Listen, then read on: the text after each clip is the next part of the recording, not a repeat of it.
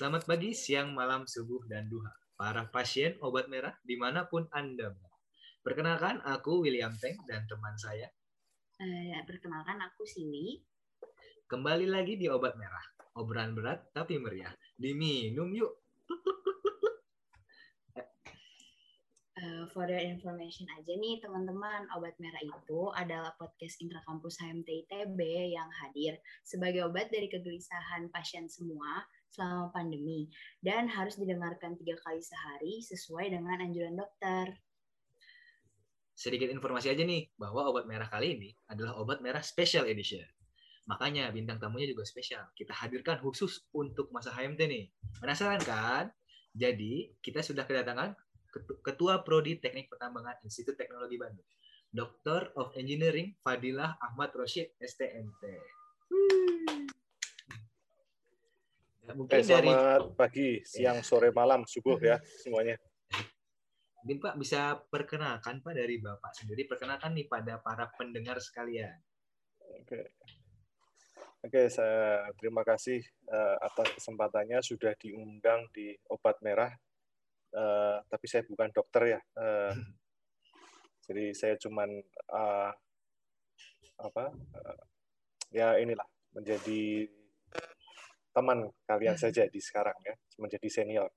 Uh, kalau saya Fadila Ahmadi Roshid, saya uh, lahir uh, 38 tahun yang lalu, ya, artinya uh, saya masuk di Prodi Teknik Pertambangan itu di tahun 2000, ya. Is, uh, sudah 20 tahun saya ada di Bandung, mulai dari mahasiswa uh, sampai dengan uh, sekarang, gitu ya. Uh, di ITB uh, saya tergabung di kelompok keahlian teknik pertambangan. Jadi seperti yang teman-teman semuanya ketahui, kalau di prodi teknik pertambangan itu dikelola oleh dua kelompok keahlian. Yang pertama itu eh, teknik pertambangan itu ketua kelompok keahliannya Pak Budi Sulistianto, nah, Profesor Budi Sulistianto. Sementara yang satunya itu adalah kelompok keahlian eksplorasi sumber daya bumi, itu ketua kelompok keahliannya Pak Komang Profesor Komang Anggayana. Nah, saya tergabung di uh, kelompok keahlian teknik pertambangan. Dari jadi mahasiswa ITB uh, tahun 2000 ya, uh, jadi anggota HMT tahun 2001 lulus di wisuda jadi mahasiswa dan juga lulus jadi anggota HMT tahun 2004 ya. Uh, kemudian menjadi uh, apa? langsung uh, mengabdi di ITB sampai dengan sekarang gitu. Itu sedikit perkenalan gitu ya. Ya. ya. Uh, sebelumnya izinkan saya membacakan sedikit riwayat pendidikan dari Bapak Fadila. Yang pertama, bidang keahlian dari Bapak Fadila ini merupakan ekonomi mineral. Kemudian riwayat pendidikannya yang pertama itu tahun 2004, beliau menempuh pendidikan sarjana S1 Teknik Pertambangan di ITB. Kemudian tahun 2007 mengambil Master Rekayasa Pertambangan di Institut Teknologi Bandung. Kemudian 2017 mengambil Doctor of Engineering di Akita University di Jepang Jepang, kemudian tahun 2020 mengambil program profesi insinyur di ITB. Keren sekali ya riwayat Bapak Fadilah ini. Jadi apa kabar Pak? baik baik, alhamdulillah. Ya. Jadi selama pandemi sehat. ini, kemudian ya. Selama pandemi ini kegiatannya ngapain aja nih Pak? Kegiatan selama pandemi makin sibuk. Oh, makin gitu ya. sibuk. Jadi uh, buat mahasiswa semuanya gitu ya semuanya juga harus ketahui bahwa uh, pandemi ini justru uh, buat dosen itu tidak menguntungkan. Bukan tidak menguntungkan dalam arti begini uh, mahasiswa bebas menghubungi dosen kapan saja. Kalau dulu kalian mau ketemu saya mau ketemu bapak-bapak dosen yang lain hanya pada jam uh, pagi gitu ya jam 8 atau sebangunnya kalian sampai jam 5 gitu ya sekarang kalian uh, bisa uh, menghubungi dosen kapan saja gitu ya, meskipun saya harus garis bawahi harus ada etikanya ya. Artinya kalau menghubungi dosen tetap uh, di bawah jam istirahat ya. Tapi uh, pada umumnya dosen-dosen pasti akan merasa bebannya lebih banyak pada saat sekarang gitu ya. Karena bimbingan semuanya online gitu ya. Terus kegiatan-kegiatan uh, online gitu ya sehingga uh, banyak rapat juga gitu ya. Jadi undangan rapat itu yang semula misalnya gitu ya, rapat di mana di Jakarta. Ketika rapat di Jakarta dulu harus menyempatkan pergi ya, sekarang rapatnya online gitu ya. Bisa dibayangkan undangan rapat makin banyak gitu ya.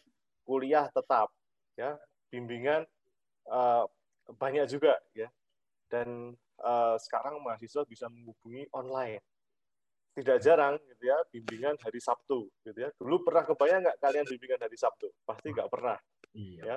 Pernah iya. kebayang nggak bimbingan selepas uh, jam 5 gitu ya? Eh, sekarang bisa saja kalau misalnya dosennya uh, sibuk gitu ya, akhirnya harus meluangkan waktu di atas jam kerjanya. Ya. Jadi memang kalau bicara tingkat kesibukan ya dosen uh, di masa pandemi ini uh, justru makin sibuk gitu ya. Tapi ya apa eh, ya itu semua tetap saja demi apa eh, pendidikan ya. Artinya supaya semua kegiatan pendidikan lancar ya. Dan meskipun pandemi ya uh, pasti Tank juga akan pengen lulus nanti di bulan Juli gitu kan ya? Iya pak benar. Ya kan? Itu dia. Itu jadi uh, secara umum pasti seperti itu. Uh, apa setiap dosen pasti akan lebih sibuk ya di masa pandemi dibanding uh, ketika kondisi normal gitu ya. Iya, waduh, kayaknya capek sekali ya jadi bapak ini ya. Makin pandemi ini makin sibuk ya pak ya. Eh, Tidak cuma saya, bapak-bapak dosen oh, yang iya. lain gitu ya. Iya. Tetap semangat ya pak ya. Jadi okay, karena bapak kan sekarang makin sibuk ya pak di masa pandemi. Boleh diceritain nggak pak kalau zaman waktu bapak dulu nih di TB memang bagaimana sih pak?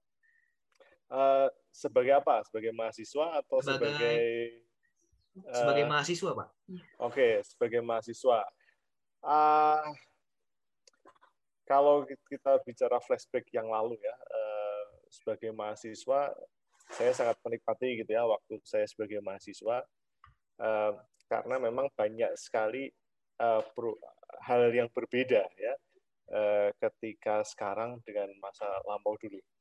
Uh, dulu gitu ya kita bicara dulu itu kampus itu terbuka 24 jam. Ya, mahasiswa baik uh, yang tidak tugas akhir ataupun yang tugas akhir itu bisa keluar masuk 24 jam. Ya memang sebenarnya ada aturan gitu ya. Tidak boleh 24 jam di kampus, tapi uh, barangkali dulu juga masih longgar gitu ya sehingga uh, masih memungkinkan untuk melakukan kegiatan sampai malam gitu ya.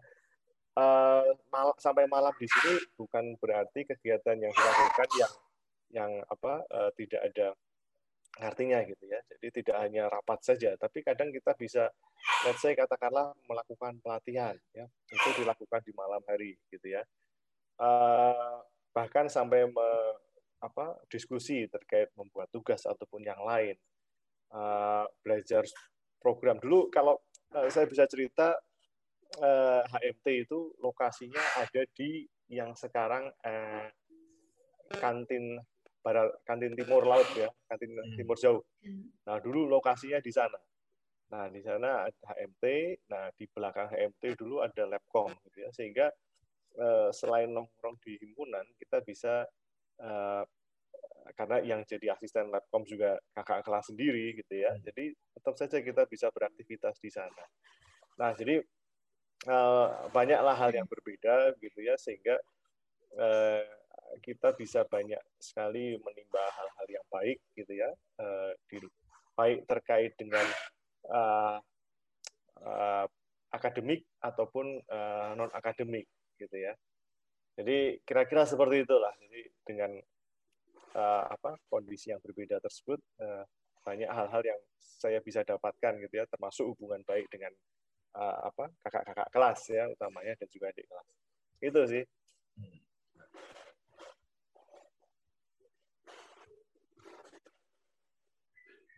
Uh, nih uh, saya juga saya mau tanya nih Pak uh, sebelum Bapak jadi dosen nih sebelum Bapak memutuskan untuk jadi dosen begitu lulus Bapak itu ada pengalaman bekerja di lapangan nggak Pak di tambang gitu hmm.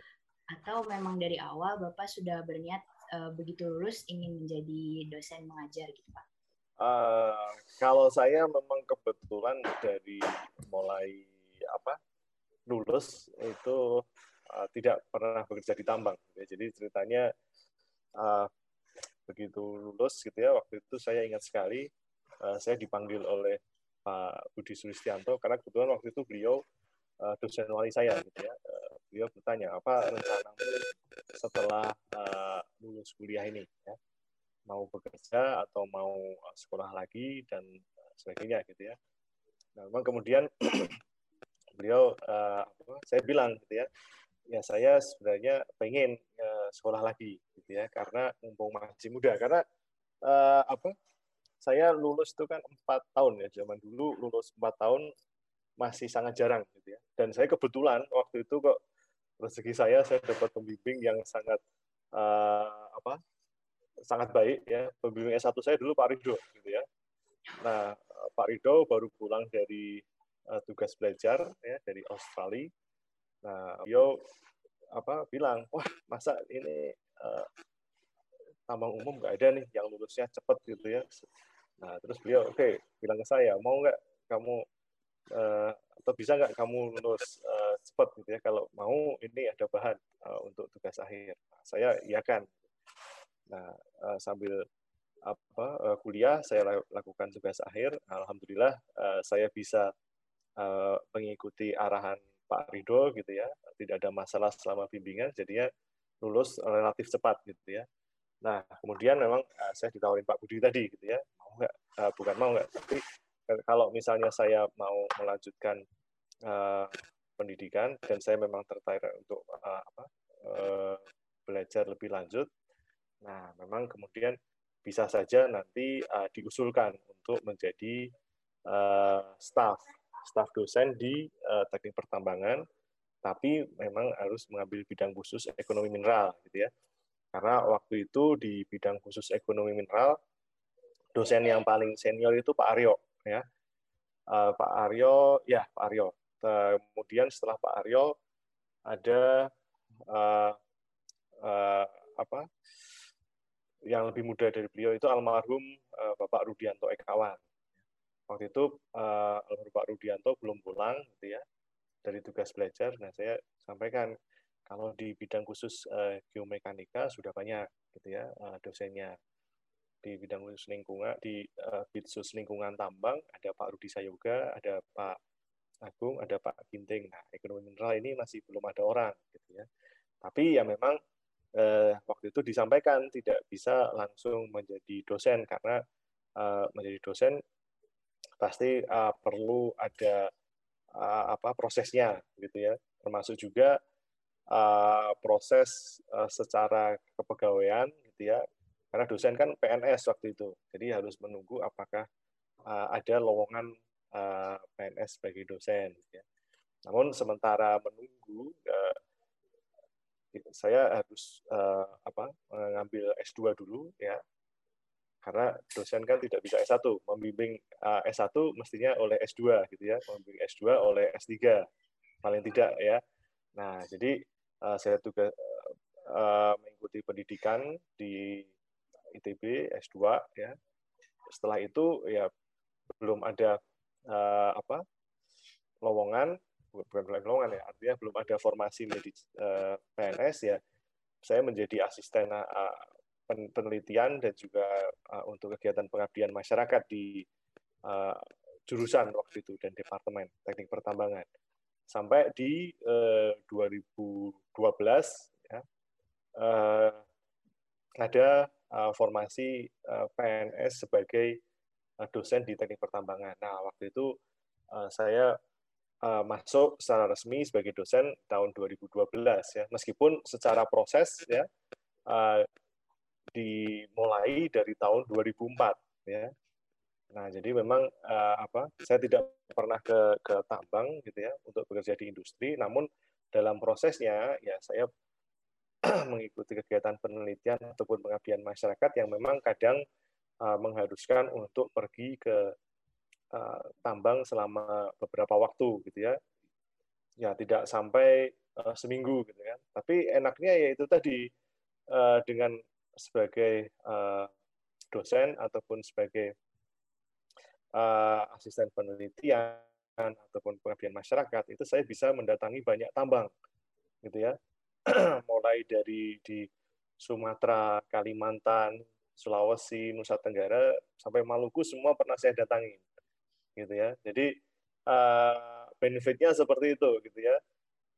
Uh, saya bisa melihat situasi oh tambang batu bara ini kegiatan operasinya seperti ini gitu ya.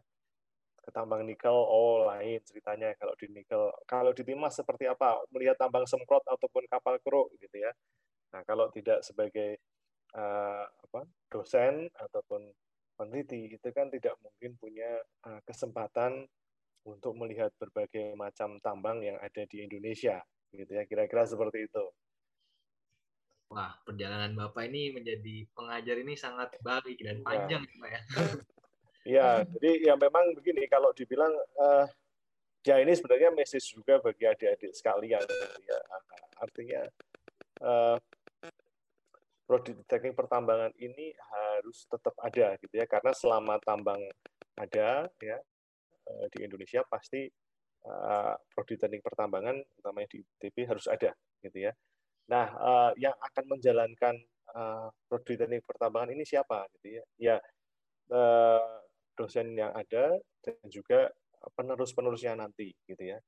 Nah, memang kemudian uh, yang memang beberapa dalam beberapa waktu ini yang uh, kami sendiri juga berusaha melihat gitu ya, ada atau tidak sih mahasiswa gitu ya ataupun alumni yang kemudian uh, mau untuk uh, dikader menjadi seorang dosen gitu ya. Menjadi yang dikader itu tidak hanya HMT gitu ya. Menjadi dosen pun harus dikader ya. Artinya harus ada proses yang dijalani gitu ya. Uh, lebih serem lagi yang ospek mulai dari profesor sampai uh, apa yang paling muda kan gitu ya. Kalau kalian HMT yang ospek cuma tiga angkatan gitu ya. Atau yang mengkader hanya tiga angkatan. Tapi kalau uh, sebagai dosen uh, atau calon dosen gitu yang mengkader mulai dari profesor ya kalau ditambah sekarang paling tua kan Pak Irwandi ya Profesor Irwandi Arif sampai yang paling muda. Nah uh, dan itu perlu waktu ya artinya tidak bisa uh, jarang sekali yang uh, apa dalam sekian tahun kemudian menjadi dosen gitu ya perlu ada suatu proses. Nah memang harapan kami gitu ya ada generasi-generasi milenial gitu ya, eh, angkatan-angkatan kalian uh, yang memang uh, bersedia nanti akan uh, bisa meneruskan estafet sebagai dosen gitu ya. Kalau di industri pasti kan sudah banyak, tapi sebagai dosen juga harus ada gitu ya. Dan memang kemudian kalau sebagai dosen ataupun calon dosen ya harus mulai dari bawah begitu ya, harus uh, menempuh pendidikan terlebih dahulu, terus kemudian uh, menjalani sebagai uh, apa seorang asisten, ya, asisten penelitian ataupun asisten kemudian pengabdian masyarakat gitu. Sampai suatu saat memang ada suatu uh, apa uh, kesempatan gitu ya uh, untuk uh, apa istilahnya uh, pastinya kita bilang lowongan ya formasi gitu ya. Karena tidak selamanya sama halnya seperti industri kan ya pasti akan ada kapan pembukaan lowongan untuk bekerja di uh, industri. Nah, demikian juga dengan dosen. Ya. Nah, selama dan memang ketika bicara lowongan dengan industri gitu ya, turnovernya kan lebih relatif lebih cepat gitu ya. Nah, kalau dosen kan tidak, turnovernya kan relatif lebih panjang. Artinya belum tentu dalam uh, satu tahun atau dua tahun ke depan gitu ya, uh, pasti akan ada lowongan menjadi dosen. Nah, itu belum tentu. Karena pasti akan melihat, oh, uh, kebutuhannya uh, karena menggantikan uh, yang sudah pensiun, ya, ataupun menambah itu kapan, gitu ya. Dan memang sering kali yang kami, yang saya pribadi amati, gitu ya, kalau anak-anak muda sekarang itu kan lebih pengen mencari pengalaman di luar, ya ya pengen sekolah pak tapi nanti saja gitu ya.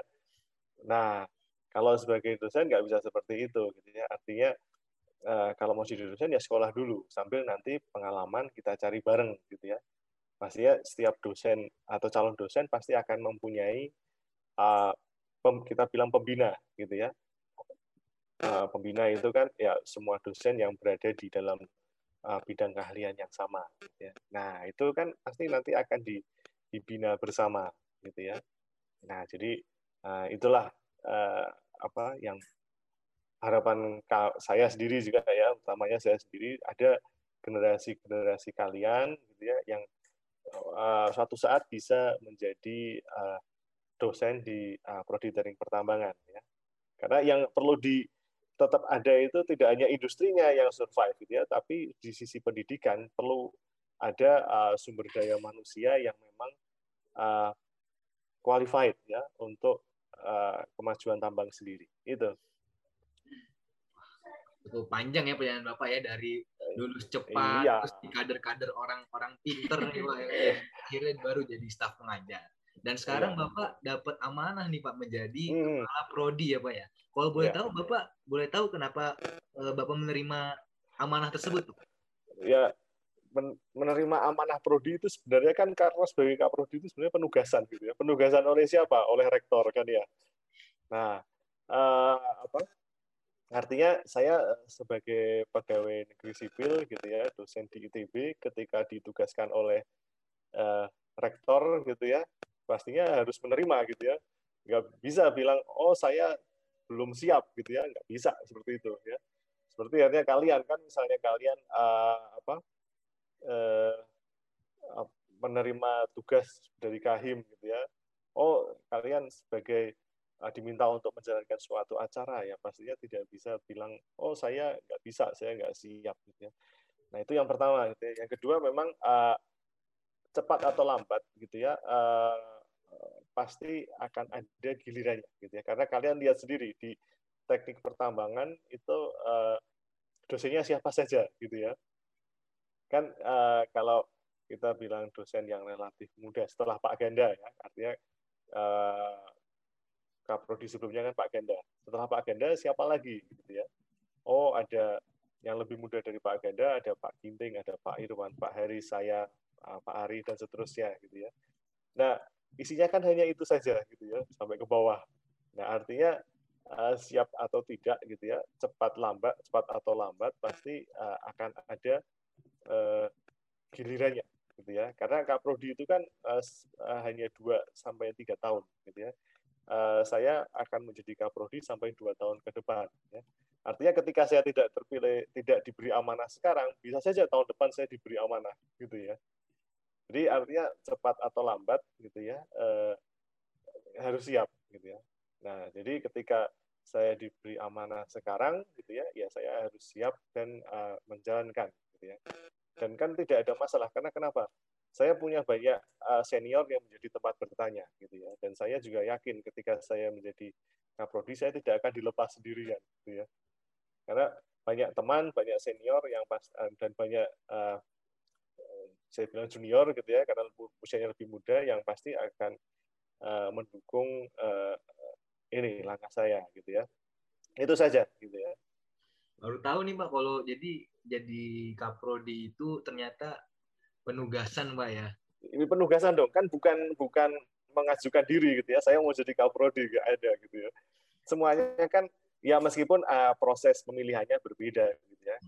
Contoh kalau kaprodi biasanya akan diusulkan dari setiap uh, kelompok kalian gitu ya. Nah misalnya uh, untuk tahun ini uh, apa uh, kelompok keahlian teknik pertambangan mengajukan untuk kaprodi S1 ya. Karena kalau kita kembali lagi eh, di teknik pertambangan ITB itu kan ada uh, tiga tiga program studi. Uh, S2 ya mestinya ya. Uh, S2 dan S3 rekayasa pertambangan uh, dan juga S1 teknik pertambangan. Nah, uh, kakak eksplorasi sumber daya bumi mengajukan Pak Nur untuk kaprodi uh, S2 S3 Pak Nur Heriawan. Nah, kakak teknik pertambangan mengajukan uh, saya sebagai uh, kaprodi S1 gitu ya. Nah, karena apa mengajukan usulan ya maka kemudian rektor akan melihat kan gitu ya. Dan menetapkan ya ini ditugaskan nama A, B, C ditugaskan sebagai kaprodi. Nah, itu dia.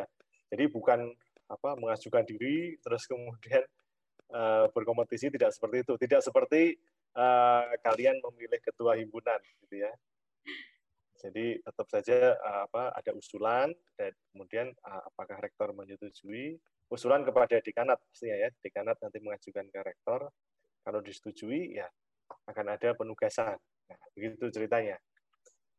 Cukup keren ya Pak ya. Dapat tugas langsung dari rektor Pak. Jadi Bapak istilahnya sudah siap ya Pak dan nggak kaget kalau misalkan Bapak ditunjuk jadi kaprodi ya Pak ya? Uh, ya kalau dibilang uh, kaget sih ya uh, bukan masalah kaget ya, tapi gini. Uh, kadang saya berpikir gitu, apakah uh, memang harus uh, sekarang gitu ya. Tapi kembali lagi gitu ya, uh, cepat atau lambat pasti gitu ya. Kalaupun tidak sekarang, dua tahun lagi. Kalau tidak dua tahun lagi, empat tahun lagi gitu ya. Apa bedanya dua tahun lagi uh, sekarang dengan dua tahun lagi atau empat tahun lagi, gitu kan? Nah, uh, sama saja gitu ya. Apa? Yang penting kan sebenarnya kita bisa mengetahui tugasnya apa dan berusaha menjalankan dengan baik gitu ya. Kalau memang belum tahu ya tanya ke yang lebih tahu gitu ya. Belum tentu saya tahu uh, akan semua hal gitu ya. Uh, contoh saja ya aturan akademik. Kalau ditanya aturan akademik apakah apal uh, pada awal saya prodi belum tentu gitu ya. Artinya saya juga harus baca-baca lagi. Kalau ada yang saya tidak tahu saya akan tanya kan gitu kepada Pak Ganda misalnya ya atau kan uh, bapak senior yang lain pasti kan juga sudah punya pengalaman gitu ya untuk menyelesaikan suatu masalah. Nah itulah yang saya pikir uh, uh, apa nggak masalah misalnya saya harus menjalani itu uh, tahun ini gitu ya. Meskipun kalau dilihat-lihat saya baru pulang tugas belajar itu 2017 gitu ya. 2017 uh, artinya kan baru empat tahun yang lalu. Ya tapi saya juga berpikir lagi, saya terlibat di kegiatan akademik di uh, eh, ITB gitu ya. Meskipun waktu itu saya resmi jadi dosen kan 2012 ya. Saya tugas belajar 2013. Nah, ya memang sangat singkat gitu ya. Tapi sebelum itu saya uh, itu lagi kembali lagi saya uh, juga ketika menjadi asisten itu saya kan juga di, diminta untuk uh, membantu gitu ya, membantu uh, beberapa kegiatan akademik. Paling tidak saya bisa belajar, oh uh, apa saja sih uh, apa uh, pelaksanaan kegiatan akademik di ITB itu seperti apa gitu ya. Jadi di situlah saya belajar ya. Uh, jadi proses untuk mengamati belajar itu tidak dalam empat tahun terakhir ini saja setelah saya pulang tugas belajar gitu ya. Tapi dimulai dari ketika saya uh, apa memutuskan untuk uh, ya saya uh, sekolah lagi dan uh, saya uh, akan menjadi dosen kalau memang ada kesempatan ya artinya mulai di situlah saya belajar gitu ya uh, belajar mengenai prodi ini bagaimana gitu ya melihat bagaimana senior senior yang lain mengorganize uh, prodi ya mulai dari uh, ada Pak Budi Pak Rido terus kemudian almarhum Pak Rudianto, Pak Syafrizal dan seterusnya sampai Pak Ganda sekarang. Itu kan sebenarnya waktu yang uh, apa durasi waktu belajarnya ada di sana. Tidak hanya uh, 2017 sampai 2021 gitu ya. empat tahun. Kalau tapi kalau kadang memang berpikirnya begitu. Kalau saya hanya berpikir empat tahun uh, apakah empat tahun setelah saya pulang tugas belajar sampai sekarang ini waktu yang uh, tepat gitu ya kan baru selesai tugas belajar. Nah, kadang saya tempat berpikir seperti itu, tapi ya kembali lagi bahwa proses yang saya jalani itu sudah mulai sejak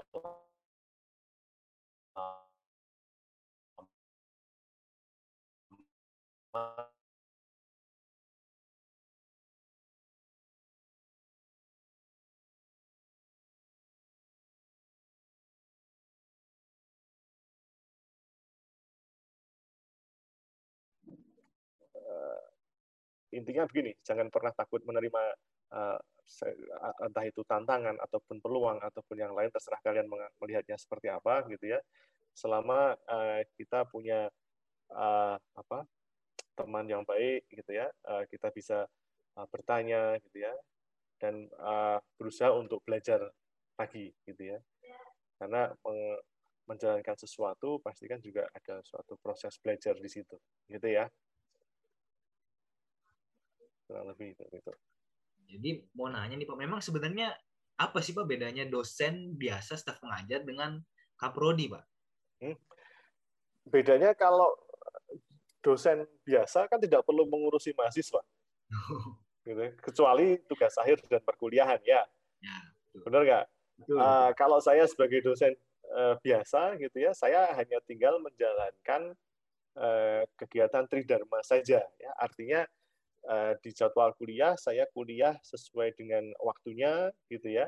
Saya berusaha mendeliver kuliah dengan baik ya. Kalian bisa atau mahasiswa-mahasiswa memberikan penilaian yang baik dari kegiatan perkuliahan itu sudah cukup.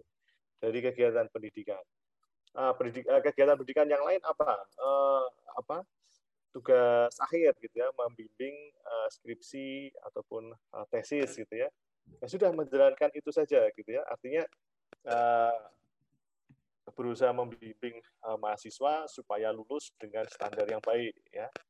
Kan itu ya kegiatan pendidikan. Penelitian juga sama ya, tinggal mengurusi saja uh, uh, ada program penelitian apa gitu ya. Karena setiap dosen pastinya uh, diminta untuk mempunyai roadmap penelitian. Kita Eh, pada bidang keahlian kita, kita ingin mencapai apa, gitu ya.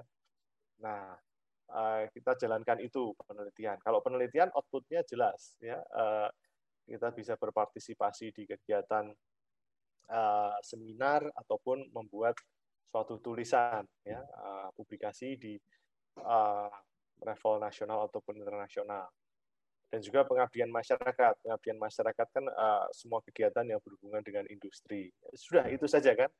Nah kalau uh, sebagai kaprodi itu kan tambahannya ya harus uh, apa mengorganize semua kegiatan akademik ya. Kegiatan akademik itu kan ya pastinya berhubungan dengan uh, mahasiswa gitu ya. Mulai dari ada mahasiswa yang kasus gitu ya.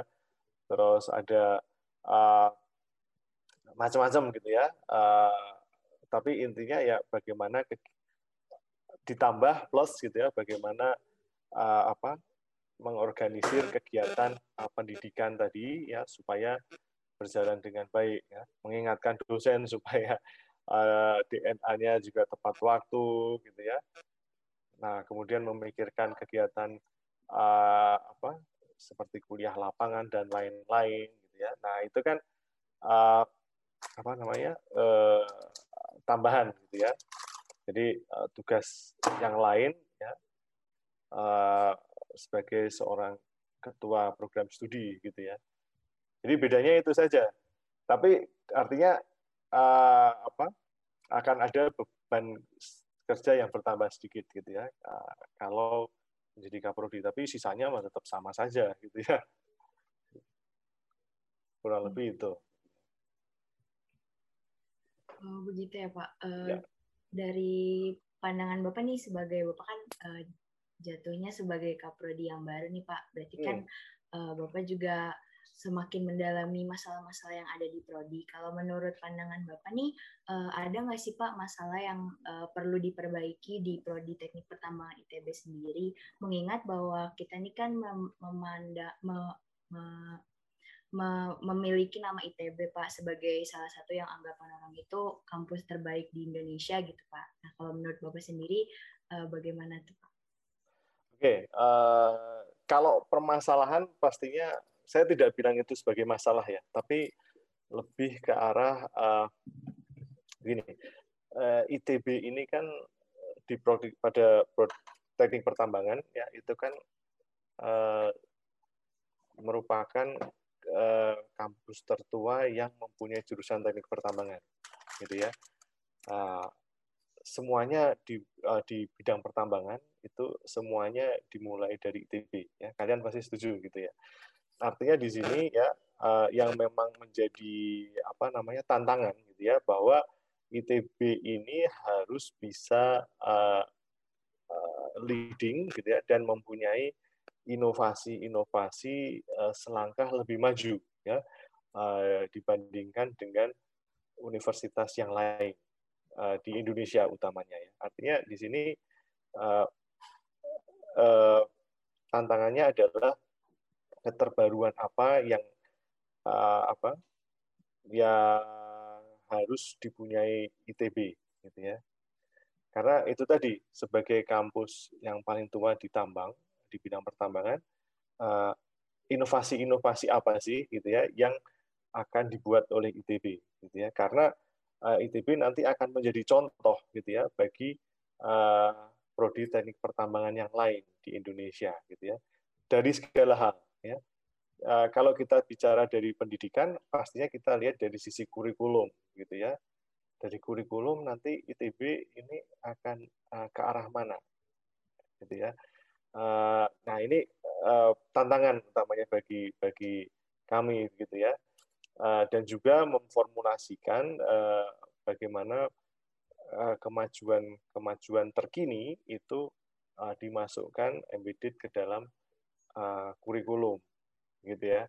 Nah ini apa menurut saya tantangannya akan lebih ke arah itu gitu ya. Karena kenapa ITB sudah menjadi tolak ukur nih dan memang harapannya gitu ya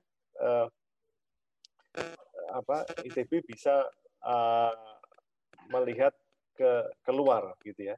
Artinya perkembangan uh, universitas uh, yang mempunyai jurusan teknik pertambangan di luar negeri ini seperti apa? Bisa nggak ITB seperti itu gitu ya? Kalau paling sederhana begini uh, sudah uh, dari banyak uh, dosen yang berkunjung ke luar negeri pasti mengatakan gitu ya oh uh, di luar itu sudah ada lab uh, virtual reality misalnya gitu ya. Nah, bisa nggak uh, ITB mempunyai itu karena kalau kita melihat ke dalam gitu ya oh belum tentu uh, belum ada yang punya nih gitu ya nah bisa nggak ITB mewujudkan itu, prodi teknik pertambangan mewujudkan itu. Nah ini kan sebenarnya PR gitu ya. Jadi tantangannya kita harus men, apa, uh, melihat keluar, gitu ya, berusaha mengikuti uh, perkembangan yang ada, gitu ya, supaya bisa tetap uh, leading, gitu ya, dan menjadi contoh di dalam negeri. Ya. Karena ITB kan sebagai kampus tertua yang mempunyai prodi uh, yang mempunyai jurusan teknik pertambangan. Nah, ini sebenarnya uh, tantangan. Saya pikir itu tidak hanya berlaku bagi uh, apa dosen dan juga juru prodinya sendiri gitu ya, tapi dari sisi mahasiswa pastinya juga seperti itu gitu ya. Nah, tantangannya tidak sebagai kampus tertua ini ya juga ada pada mahasiswanya juga ya, tidak hanya pada uh, apa prodinya atau dosennya gitu ya. Dari dosennya juga sama gitu ya. Artinya di luar ini penelitian sudah sampai sejauh ini gitu ya. Nah, bagaimana di dalam gitu ya, di di di level ITB sendiri bisa nggak kita uh, menuju ke sana. Nah, inilah yang menurut saya sendiri gitu ya uh, menjadi tantangan ya ke depan bagi prodi teknik pertambangan uh, untuk bisa maju sejajar dengan universitas lain yang ada di luar negeri. Itu kira-kira. Nah, tadi kan Bapak udah bilang nih, oh kita nih hmm. harus tetap memimpin lah istilahnya kan. Hmm. hmm. Jadi leader di teknik pertambangan di Indonesia. Dan itu tidak terlepas dari mahasiswanya sendiri, Pak ya. Iya. Dan aku mau nanya nih Pak, eh, memangnya sejauh apa sih peran mahasiswa, terutama HMT ini Pak, untuk memajukan prodi teknik pertambangan ITB? Dan apakah masih perlu HMT itu Pak? Uh, Oke, okay. jadi uh, kalau uh, bicara perlu atau tidak gitu ya, jadi uh, pertama kita akan bahas dulu ya, perlu atau enggak HMT gitu ya. Nah sekarang uh, di dalam kegiatan uh, di dalam selama mahasiswa empat tahun di di di ITB gitu ya, kalian masuk pertama jadi mahasiswa tingkat satu sampai nanti lulus gitu ya. Uh, pastinya ada atau target uh, dari uh, kita bicara uh, apa uh, tidak hanya industri ya, tapi nanti dari sisi uh, pengguna lulusan ini seperti apa gitu ya. Jadi uh, pengguna lulusan baik industri uh, di lembaga penelitian ataupun uh, pendidikan lanjut ya pastinya kan akan mengharapkan suatu keluaran ya dari lulusan prodi teknik pertambangan gitu ya. Misalnya contohnya begini, oh lulusan dari teknik pertambangan ITB itu mestinya bisa berkomunikasi dan bekerja sama dengan baik gitu ya. Contohnya seperti itu. Nah uh, sekarang uh, selama kalian empat tahun di ITB itu kan artinya harus dibentuk gitu ya. Nah uh, dosen atau prodi di sini itu kan akan berusaha mengcover semua itu di dalam uh, kurikulum dan kegiatan pendidikan kalian ya.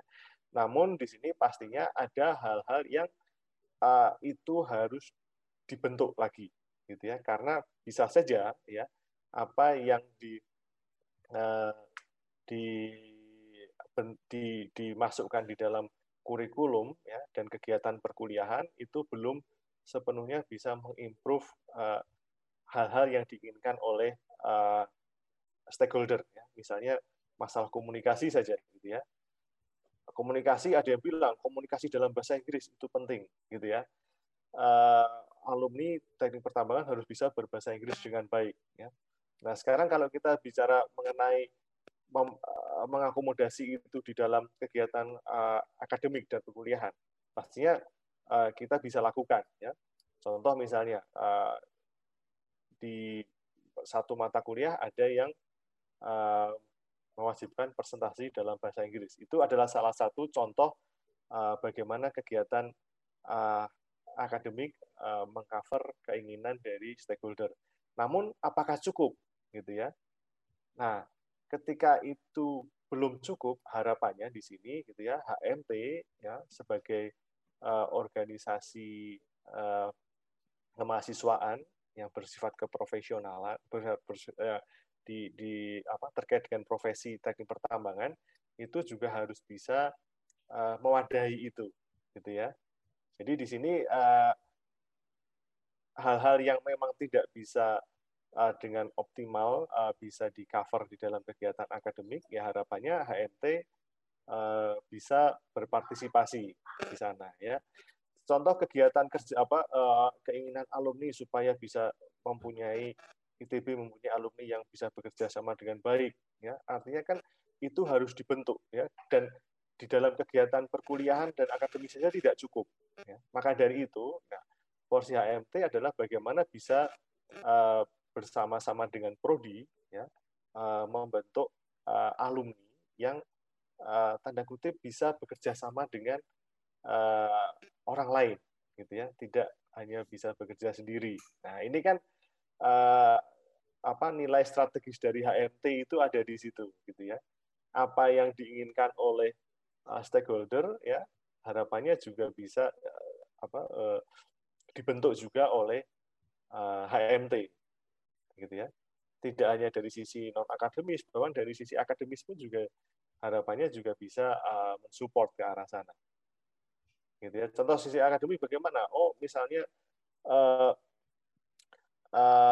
diperlukan keahlian tertentu gitu ya. Oh seperti mengoperasikan software ya nah itu harapannya tidak hanya prodi ya tapi HMT juga bisa mendorong itu semua supaya uh, ketika uh, seorang mahasiswa lulus ya uh, dan diwisuda itu uh, bisa memenuhi keinginan-keinginan uh, yang sudah uh, disampaikan oleh stakeholder di bidang teknik pertambangan. Kurang lebih seperti itu, gitu ya. Nah, Jadi, eh, berkait, ya, berkait dengan tanggapan Bapak tadi, Pak, berarti kan kalau dapat kami simpulkan bahwa HMT itu harus berjalan beriringan bersama dengan prodi ya, Pak? Harusnya demikian, gitu ya. Nah, eh, tapi kita tahu sendiri kan Pak bahwa Eh, selama beberapa tahun ini pasti setiap tahun ada aja nih Pak masalah kecil antara HMT sama prodi terkait komunikasi atau sebagainya. Nah, kalau dari pandangan Bapak sendiri, ada nggak sih Pak yang perlu kita lakukan sebagai HMT supaya masalah ini tuh tidak terulang lagi di ke depannya gitu Pak? Hmm, uh, kalau terkait dengan kom, uh, apa permasalahan antara uh, HMT dengan prodi gitu ya uh, seperti apa terus terang saya sampai sekarang uh, belum belum mengetahui gitu ya tapi begini uh, semua hal itu kan uh, akan bisa berjalan dengan baik selama mempunyai uh, cara pandang yang sama, gitu ya. Artinya begini, uh, bisa saja hal-hal yang tidak sepakat, yang berbeda, gitu ya, berbeda pandangan dari HMT ataupun prodi itu terjadi karena melihat sesuatu tidak dari kerangka yang sama, gitu ya. Nah, uh, dan juga kedua biasanya masalah komunikasi, gitu ya. Nah, tinggal bagaimana me, me, menyatukan dua hal tersebut, gitu ya. Karena kadang uh, himpunan mempunyai cara pandang sendiri, gitu ya, dan dari sisi prodi, gitu ya, uh, juga mempunyai cara pandang. Nah, uh, yang harus di apa uh, diselaraskan itu mari kita melihat sesuatu dengan kerangka yang sama. Artinya ketika kita berada di ITB gitu ya, artinya kita lihat dulu dari sisi kebijakan dan aturan ITB itu bagaimana gitu ya. Nah, baru kemudian uh, dari situlah mahasiswa diharapkan bisa berimprovisasi gitu ya. Contoh saja paling gampang begini. Uh, kalau sekarang mahasiswa tidak boleh berkegiatan di dalam kampus lebih dari uh, jam berapa? Jam berapa sekarang? Jam 21 atau jam jam 11. Oke, okay, jam 11 gitu ya. Nah, artinya uh, kita patuhi dulu ya aturan itu ya. Nah, dalam waktu yang disepakati itu dicoba dioptimalkan di uh, mahasiswa melakukan uh, improvisasi di sana. Saya yakinlah mahasiswa itu kreatif gitu. Ya. Nah, uh, dicoba dilakukan improvisasi di situ di dalam kerangka aturan yang sudah disepakati gitu ya. Karena kenapa? Kalian ada di ITB, gitu ya, ada di dalam suatu institusi. Institusi itu punya aturan, punya kebijakan, gitu ya. Uh, selama berjalan dalam koridor itu, ya pastinya tidak akan ada masalah, gitu ya. Tidak boleh beraktivitas di luar jam 11. Ya sudah, kita optimalkan, gitu ya. Sebelum ini bisa, gitu ya. Kalau misalnya ada sesuatu yang harus dilakukan di lewat jam 11, dilihat dulu, gitu ya kegiatannya apa gitu ya. Misalnya contoh kalau dulu uh, zaman saya gitu ya, yang biasanya lebih dari jam 11 itu kegiatannya kalau nggak rapat ospek gitu ya. Ospek dulu masih bisa lebih dari jam 11 gitu ya. Nah, sekarang uh, apa? Kalau misalnya tidak bisa lebih dari jam 11, uh, eh, bagaimana ya? Artinya kita cek dulu kegiatan apa sih yang harus dilakukan lebih dari jam 11 gitu ya. Kalau memang kegiatan itu tidak penting, ngapain itu dikerjakan ya? di luar jam 11. Nah, itu itu kan contoh bagaimana uh, apa ya sama-sama inilah berimprovisasi gitu ya. Supaya nanti tujuannya sama, hasilnya sama ya, tapi tanpa melanggar aturan gitu ya. Ya, jadi kalau dalam pandangan saya itu dulu dilihat dalam kerangka yang sama gitu ya. Dan yang kedua komunikasi. Komunikasi artinya dalam segala hal gitu ya supaya tidak ada miss itu kan perlu ada uh, apa uh, informasi yang sama gitu ya uh, yang dikeluarkan dari HMT dengan yang diterima oleh uh, prodi. Nah, itu uh, saya pikir uh, merupakan hal yang uh, perlu dibangun gitu ya. Tidak, sekarang dan seterusnya gitu. cukup menarik ya tadi jawabannya Pak ya. Nah, dari tadi kan kami nih Pak yang nanya-nanya nih Pak ya uh, kami juga sebenarnya buka kuesioner nih Pak ke masa HMT. Jadi bagi yang ingin okay. bertanya pada Pak Fadila ini bisa disuruh mengetik pertanyaannya. Dan ini pertanyaan yang pertama nih Pak. Agak nyambung-nyambung dengan komunikasi yang tadi Pak. Hmm, Berapa hmm. sih keinginan dosen khususnya Pak Kaprodi dekat dengan kenal dekat dengan mahasiswa secara personal? Pertanyaan ini dari Yaul Pak, NIM 121 Oke, jadi uh, mengenal personal itu saya pikir cukup baik gitu ya. Uh, dosen bisa berkomunikasi dengan baik ya dengan mahasiswa ya, termasuk juga kaprodi di sini dengan mahasiswa cuman memang uh, begini ini yang saya garis bawahi kembali ya uh, kalian sekarang itu uh, usianya berapa rata-rata uh, kan berarti berumur sekitar 20-an ya hmm. ada yang 19 20 21 gitu ya Sementara ada juga kalau kalian kita bicara dosen yang paling senior gitu ya, uh, itu Pak Irwandi Arif gitu ya, Profesor Irwandi Arif itu usianya sekitar 69. Gitu ya. Uh, karena profesor kan pensiun usia 70, beliau berusia uh, 69 ya. Saya sendiri usianya misalnya uh, di, uh, sekarang 38 tahun gitu ya. Nah, artinya ada suatu uh, gap ya yang cukup besar di sini ya. Nah, uh, memang kemudian kali ada suatu uh, apa uh, bukan norma ya, tapi uh, ya norma kesopanan gitu ya yang harus uh, di, dijaga di sini gitu ya. Uh, uh, paling sederhana begini. Uh, ketika saya menghubungi dosen yang lebih senior gitu ya, meskipun uh, gap umur saya lebih sedikit ya, pastinya saya akan melihat katakanlah waktu gitu ya. Saya mau menghubungi Pak Budi nih ya, contohnya. Uh, Pak Budi itu angkatan 83 ya. Saya angkatan 2000. Artinya beliau 17 tahun lebih tua dari saya gitu ya mempunyai usia kurang lebih sama dia paman gitu ya. Nah, itu kan yang harus dipegang ya. Artinya ada norma, ada suatu uh, nilai kesopanan yang harus diperhatikan gitu ya. Uh, melihat dulu, oh saya mau menghubungi jam berapa ini gitu ya. Ah, ini sudah jam 9. Kalau saya mau menghubungi beliau via WhatsApp kira-kira sopan atau tidak gitu ya. Meskipun gitu ya uh, kalau anak sekarang kan bisa saja berpikir WhatsApp kan belum tentu dibaca, boleh saja dibacanya nanti gitu ya. Kan uh, boleh berpikir gitu. Tapi kan kita tidak bisa berpikir seperti itu secara general gitu ya. Kalau saya kepada uh, apa yang kurang lebih seumuran gitu ya, dosen yang seumuran dengan saya, misalnya contoh Pak Ari gitu ya, Ari Naftali. Bisa saja gitu ya, jam 9 saya ada yang tanyakan, saya tanyain saja gitu ya kalau misalnya nanti dijawab ya syukur, enggak juga enggak apa-apa gitu ya. Tapi ketika ke yang lebih senior gitu ya, artinya ya saya uh, pastinya uh, lihat dulu jamnya ya. Wah ini sudah jam istirahat beliau, kira-kira ya janganlah kalau menghubungi gitu ya. Bahkan kalau tidak dihubungi uh, terlebih dahulu uh, selepas jam 8 gitu misalnya, saya tidak akan uh, menanyakan hal yang memang itu tidak sangat penting gitu ya. Nah, itu adalah salah satu contoh uh, nilai kesopanan yang harus dijaga. Nah, inilah yang uh, saya uh, pikir perlu juga ditanamkan ke adik-adik sekalian, gitu ya, ke teman-teman sekalian. Uh, ada dosen yang umurnya ini kurang lebih sama dengan orang tua kalian. Ada yang umurnya itu ya kurang lebih akan mirip dengan eyang kalian. Ada yang mirip dengan om kalian. Nah, atau paman. Nah, itu bagaimana uh, apa melakukan komunikasi terhadap orang yang lebih tua ya. Baik secara uh, daring gitu ya ataupun secara langsung gitu ya. Nah, ini kan hal-hal uh, yang harus di, diketahui gitu ya. Dan juga begini, satu, satu lagi.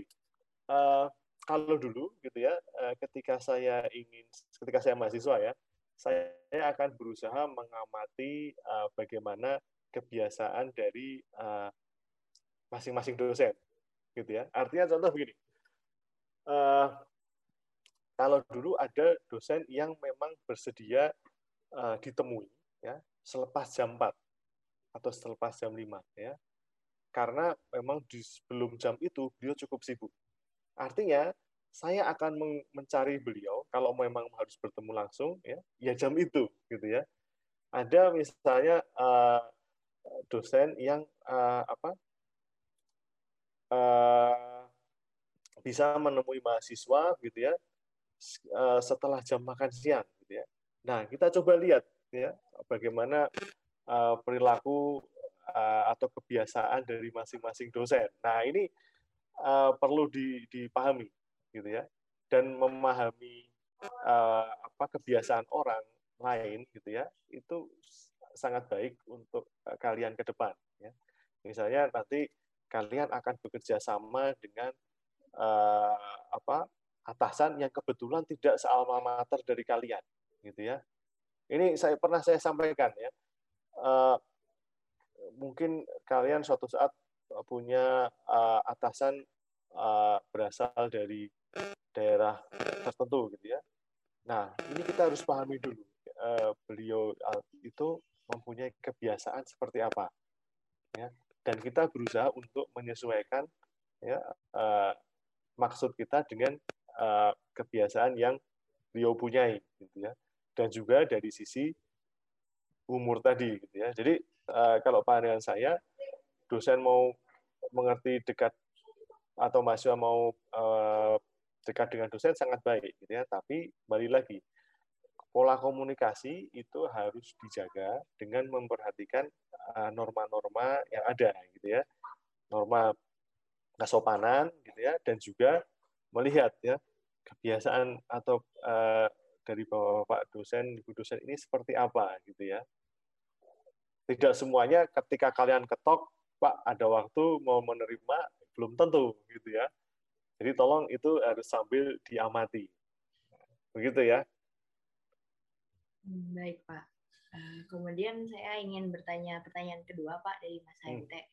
Jadi terkait kuliah online ini kan kita melihat bahwa motivasi kuliah dari mahasiswa tuh jadi menurun ya Pak. Nah, hmm. Nah kalau dari pandangan Bapak sebagai dosen ini sebenarnya gimana sih Pak tentang kuliah online ini? Apakah jatuhnya lebih mudah untuk mahasiswa atau bagaimana Pak? Pertanyaan ini dari Christopher Randoyo 121 Uh, tentang kuliah online ya. Kuliah iya. online lebih mudah atau tidak? Ya gini.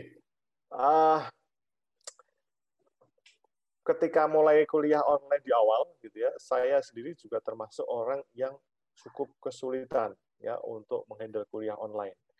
Karena kenapa? Eh, lebih enak ya kuliah itu kan tetap muka saya bisa mengetahui masing-masing itu uh, sedang uh, mengerti atau tidak merespon yang saya sampaikan atau tidak ya Eh, meskipun kelasnya besar gitu ya, saya bisa melihat ekspresi masing-masing mahasiswa itu bagaimana, ya. Eh, apakah mengerti atau tidak yang saya sampaikan, gitu ya. Nah, eh, itu ketika kita bicara kuliah luring, ya. Tapi ketika kita memang diharuskan ya menghadapi itu pada kondisi saat ini, ya memang harus menyesuaikan gitu ya. Karena saya juga termasuk yang uh, cukup uh, apa uh, ini ya bukan kesulitan ya tapi harus mem memerlukan waktu untuk beradaptasi dengan kuliah daring ya. Karena kenapa di satu layar saya tidak bisa melihat muka kalian secara seluruhan gitu ya bahkan ada yang dengan alasan kuota gitu ya uh, harus mematikan uh, kamera gitu ya. Coba bayangkan kalian ngomong sendiri di depan orang tidak melihat muka gitu ya. Di hadapan 40 orang atau kadang 90 orang ya, nggak ngelihat muka ya. Itu seperti kalian stand up komedi gitu ya, ngomong sendiri ya.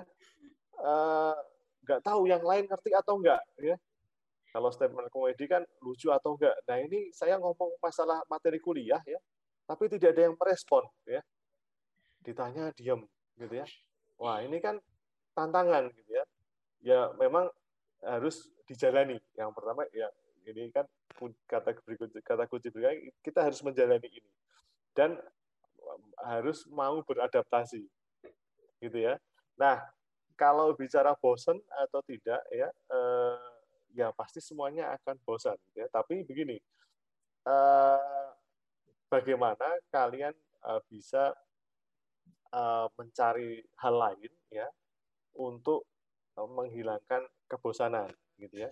Karena begini, bosan itu kan tidak hanya karena satu kuliah tertentu atau karena kegiatan kuliah ya. Bosan itu kan akumulasi karena uh, aktivitas keseluruhan gitu ya.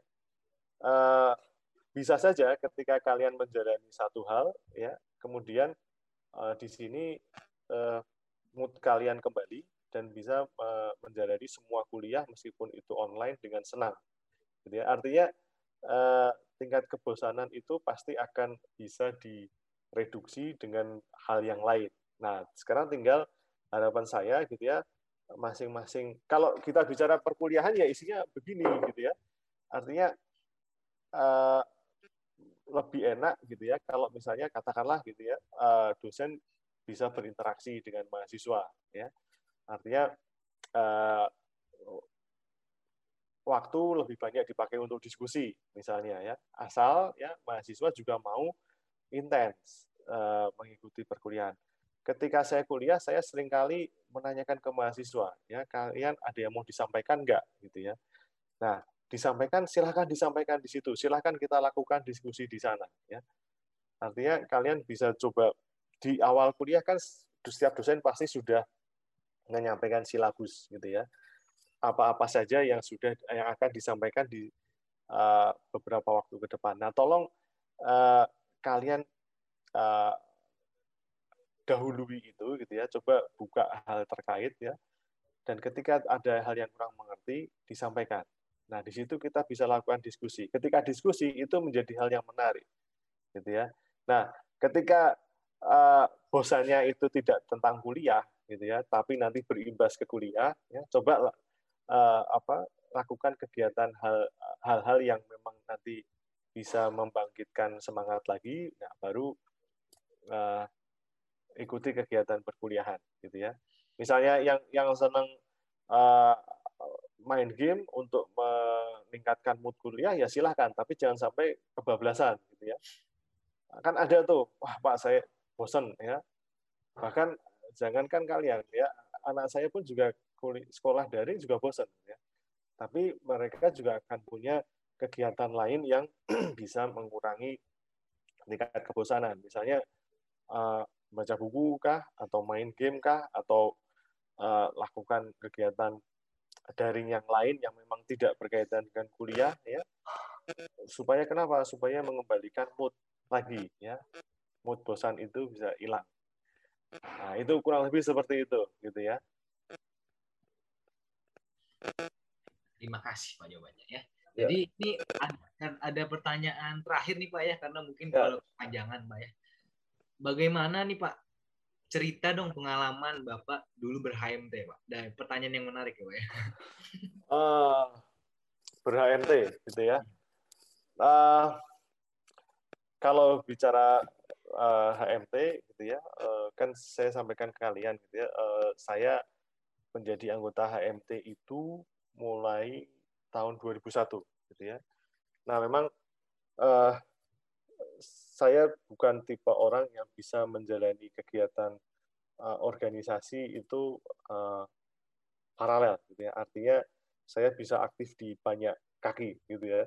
Oh, saya bisa aktif di unit ini, bisa aktif di yang lain juga dan juga di AMT. Saya bukan tipe yang seperti itu gitu ya. Uh, sebelum saya aktif di AMT, saya pernah uh, mencoba beberapa unit gitu ya. Ada juga yang uh, relatif serius, tapi begitu uh, saya masuk HMT gitu ya. Uh, terlibat jauh uh, saya perlu apa tinggalkan gitu ya. Ya nggak masalah gitu ya. Akhirnya memang saya dari mulai tingkat dua ya tingkat kalau tingkat dua kan ada semester tiga dan empat ya. Mulai semester empat itu saya lebih banyak meluangkan waktu di HMT Nah, uh, kalau bicara mengenai kegiatan uh, di HMT gitu ya, uh, saya termasuk yang uh, apa senang terlibat di banyak hal gitu ya, karena uh, dulu yang membedakan dulu dengan sekarang juga ya, kalau kita bicara zaman dulu itu masih banyak senior senior yang suka ngerjain gitu ya, dan itu kadang membuat eh, anak-anak baru ini males pergi ke himpunan gitu ya. Nah, kebetulan saya termasuk orang yang tanda kutip cuek gitu ya. Mau main ke himpunan ya main saja gitu ya. Akhirnya uh, di situlah saya mulai terlibat di banyak hal gitu ya. Mulai dari uh, saya membantu apa uh, temu alumni, kegiatan temu alumni gitu ya. Terus kemudian ikut mengurusi SMC gitu ya uh, dan semacamnya mengikuti uh, kaderisasi dan involve di sana gitu ya.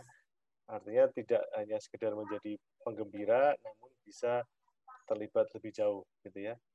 Uh, dari situ banyak hal yang bisa saya dapatkan gitu ya. Uh, uh, terus terang hubungan dengan uh, apa senior senior itu bisa banyak terjalin di situ gitu ya sampai sekarang ya. Uh, dan itu uh, somehow memang cukup membantu begitu ya uh, ketika kita mempunyai uh, suatu hal yang apa uh, memerlukan penyelesaian gitu ya. Nah, itu cukup membantu. Dan uh, pengalaman saya yang yang saya tidak pernah lupa gitu ya, uh, dengan aktif di HMT gitu ya, saya ini ada dua hal lagi gitu ya, saya bisa kenal baik dengan uh, dosen gitu ya. Uh, mulai dari contoh ketika saya membantu kegiatan ketemu alumni gitu ya, saya banyak berkomunikasi dengan Pak Safrizal gitu ya. Meskipun pada waktu itu waktu itu saya masih tingkat berapa ya? Tingkat satu, mau naik tingkat dua gitu ya. Uh, saya banyak komunikasi dengan Pak Safrizal. Meskipun beliau belum pernah mengajar saya sama sekali gitu ya. Nah, jadi uh, hubungan dengan dosen itu juga sudah mulai dibangun di sana gitu ya.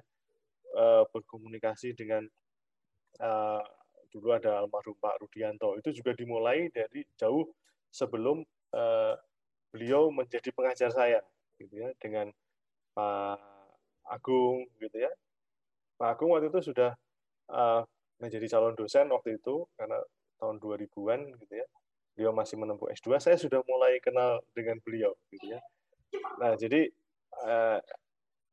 apa uh, banyak hal yang bisa saya dapatkan termasuk yang terakhir itu uh, karena saya uh, banyak involve di kegiatan himpunan gitu ya termasuk uh, menjadi tim ISMC waktu itu Pak Rido terakhir uh, ya tahun 2003 atau 2004 ya uh, beliau pulang dari Australia beliau menyampaikan di UQ University of Queensland itu uh, ada kegiatan uh, apa semacam ISMC yang juga mengundang uh, universitas di Indonesia. Nah, saya ikut berpartisipasi di situ, gitu ya. Jadi uh, banyak hal yang bisa saya dapatkan, gitu ya, dari uh, saya uh, aktif di himpunan. Artinya uh, mulai dari kenal baik dengan senior, gitu ya, kenal baik dengan dosen, gitu ya, sampai dengan uh, apa? saya bisa jalan ke luar negeri pertama kali, gitu ya Nah, cuman memang satu hal yang uh, perlu diingat gitu ya, uh, ketika kita aktif di himpunan gitu ya atau di suatu organisasi ya, ya memang uh, niatkan diri kita gitu ya untuk uh, apa melakukan suatu kegiatan itu saya bisa bilang tanpa pamrih lah gitu ya. Buat apa sih sebenarnya saya repot-repot di situ gitu ya. Tapi ya sudah sebenarnya niatan saya ya hanya saya pengen punya teman aja ya. Saya pengen uh, beraktivitas, saya pengen punya banyak teman, ya sudah gitu ya. Uh, saya melakukan itu dengan uh, senang ya tanpa mengganggu uh, kegiatan perkuliahan gitu ya. Nah, jangan sampai berpikir bahwa buat apa sih aktif di himpunan gitu ya. Nah, ini yang harus diluruskan gitu ya. Mau cari apa sih di himpunan? Loh, Jangan bilang mau cari apa di himpunan, kalian mau ngapain di himpunan. Kan itu saja gitu ya. Kalau misalnya yang senang uh, apa kegiatan fotografi ya silahkan uh, ciptakan uh, apa aktivitas itu di himpunan gitu ya. Silahkan bersibuk ria di sana. Yang uh, senang dengan kegiatan keprofesian ya atau olahraga ya silahkan bangun itu di himpunan. Gitu ya. Jangan jangan uh, apa namanya uh, bilang uh, di Jemberan mau cari apa sih? Nah, nggak bisa seperti itu, gitu ya. Karena HMT itu kan wadah hanya wadahnya saja. Ya. Sementara uh, yang mengisi kan manusianya, anggotanya. Jadi uh, jangan melihat HMT itu menjadi uh, ini ya kurang lebih seperti uh, apa ada apa sih di sana nanti saya baru akan masuk ikut ke situ gitu ya. Tapi uh, di wadah ini ya kita bisa lakukan apa? Ya karena ketika kita menjalani ini dengan baik ya uh, benefit akan bisa kalian dapatkan dengan sendirinya. Gitu ya. Cukup keren ya pak ya. Ya sama kayak abang-abang pak kalau berpesan. Jangan uh, jangan bertanya apa yang dikasih HMT pada kalian, tapi apa yang kalian beri pada HMT, gitu. Ya, ya kurang lebih juga tidak hanya seperti itu juga kurang lebih begitu ya. Tapi begini, artinya uh, kalau sudah punya wadah, wadahnya mau diapain gitu ya. Mau kalian apakan ini wadah? Mau diisi dengan kegiatan apa? Karena kalau misalnya tidak ada yang mengisi ya sudah itu, itu saja. Nah, maka dari itu benefit saya kembali lagi kalau bicara benefit ya benefit itu akan datang gitu ya kalau kita bisa melakukan sesuatu di sana tanpa pamrih dulu gitu ya nanti benefitnya akan datang belakangan gitu ya Terima kasih Pak ya. Jadi ya. mungkin sudah cukup kali ya pertanyaan-pertanyaan yang kami berikan kepada Bapak ya karena sudah banyak juga pertanyaan Pak ya. Dan ya. dari teman-teman ini kami buka question, buka kuesioner juga kan tadi ada harapan nih Pak. Banyak yang Mana? mengharapkan supaya Bapak ini sehat selalu Pak di masa pandemi. Oh, terima kasih. Keluarganya dan bahagia Pak. Yang lain juga ya, Amin. semuanya juga lah anak HMT gitu ya. ya ya yang penting ini sajalah jaga jaga kesehatan gitu ya nah ini pesan saya terakhir ini bukan pesan terakhir ya tapi pesan saya yang yang harus diperhatikan ya uh, memang sekarang kuliahnya kuliah daring gitu ya nah meskipun kuliah daring tolong yang ada di Bandung ya uh, ataupun di tempat tinggal masing-masing ya tetap perhatikan uh, protokol kesehatan gitu ya. Uh, jangan kalian uh, karena daring uh, terus kuliahnya dari kafe gitu ya. Terus kuliahnya uh, apa di kosan satu orang gitu ya. Nah ini perlu di, diperhatikan baik-baik gini ya pandemi ini masih belum kelihatan ujungnya ini ya artinya kalau memang daring ya sudah daring dari tempat masing-masing gitu ya jangan terus daring tiba-tiba berkerumun di kosan satu orang gitu ya kemudian uh, apa uh, beraktivitas bareng di sana. Nah ini tolong itu diperhatikan gitu ya. Uh, memang ada tugas gitu ya yang memang harus memerlukan kerjasama gitu ya, tapi uh, lakukan dengan baik ya. Jangan kemudian karena ini beralasan wah ya sudah kita ramean saja di kosannya siapa kita kerjakan di situ ya. Nanti ada orang yang ditugaskan beli makan, beli makan ke mana, entah nggak tahu gimana, bawa virus ke dalam, itu kan bahaya. Gitu ya. Jadi tolong meskipun kuliahnya apa uh, daring, ya uh, tetap uh, terapkan uh, protokol kesehatan, gitu ya. Jangan sampai berkerumun ya. Kalau berkerumun ya jangan, gitu ya. Uh, dan yang lain lah, gitu ya. Berolahraga juga sewajarnya gitu ya nggak usah terus kemudian uh, jogging bareng himpunan nah, dihindari dulu gitu ya baik pak Terima kasih Pak pesan-pesannya ya. Hmm. Mudah-mudahan pesan-pesan dari Bapak bisa menjadi bahan refleksi untuk kita nih, para pendengar di mana pun kalian berada. Semoga tetap diberi kesehatan. Pokoknya stay safe, keep healthy, stay tune di podcast Obat Merah. Obrolan berat tapi meriah. Diminum yuk. Dadah.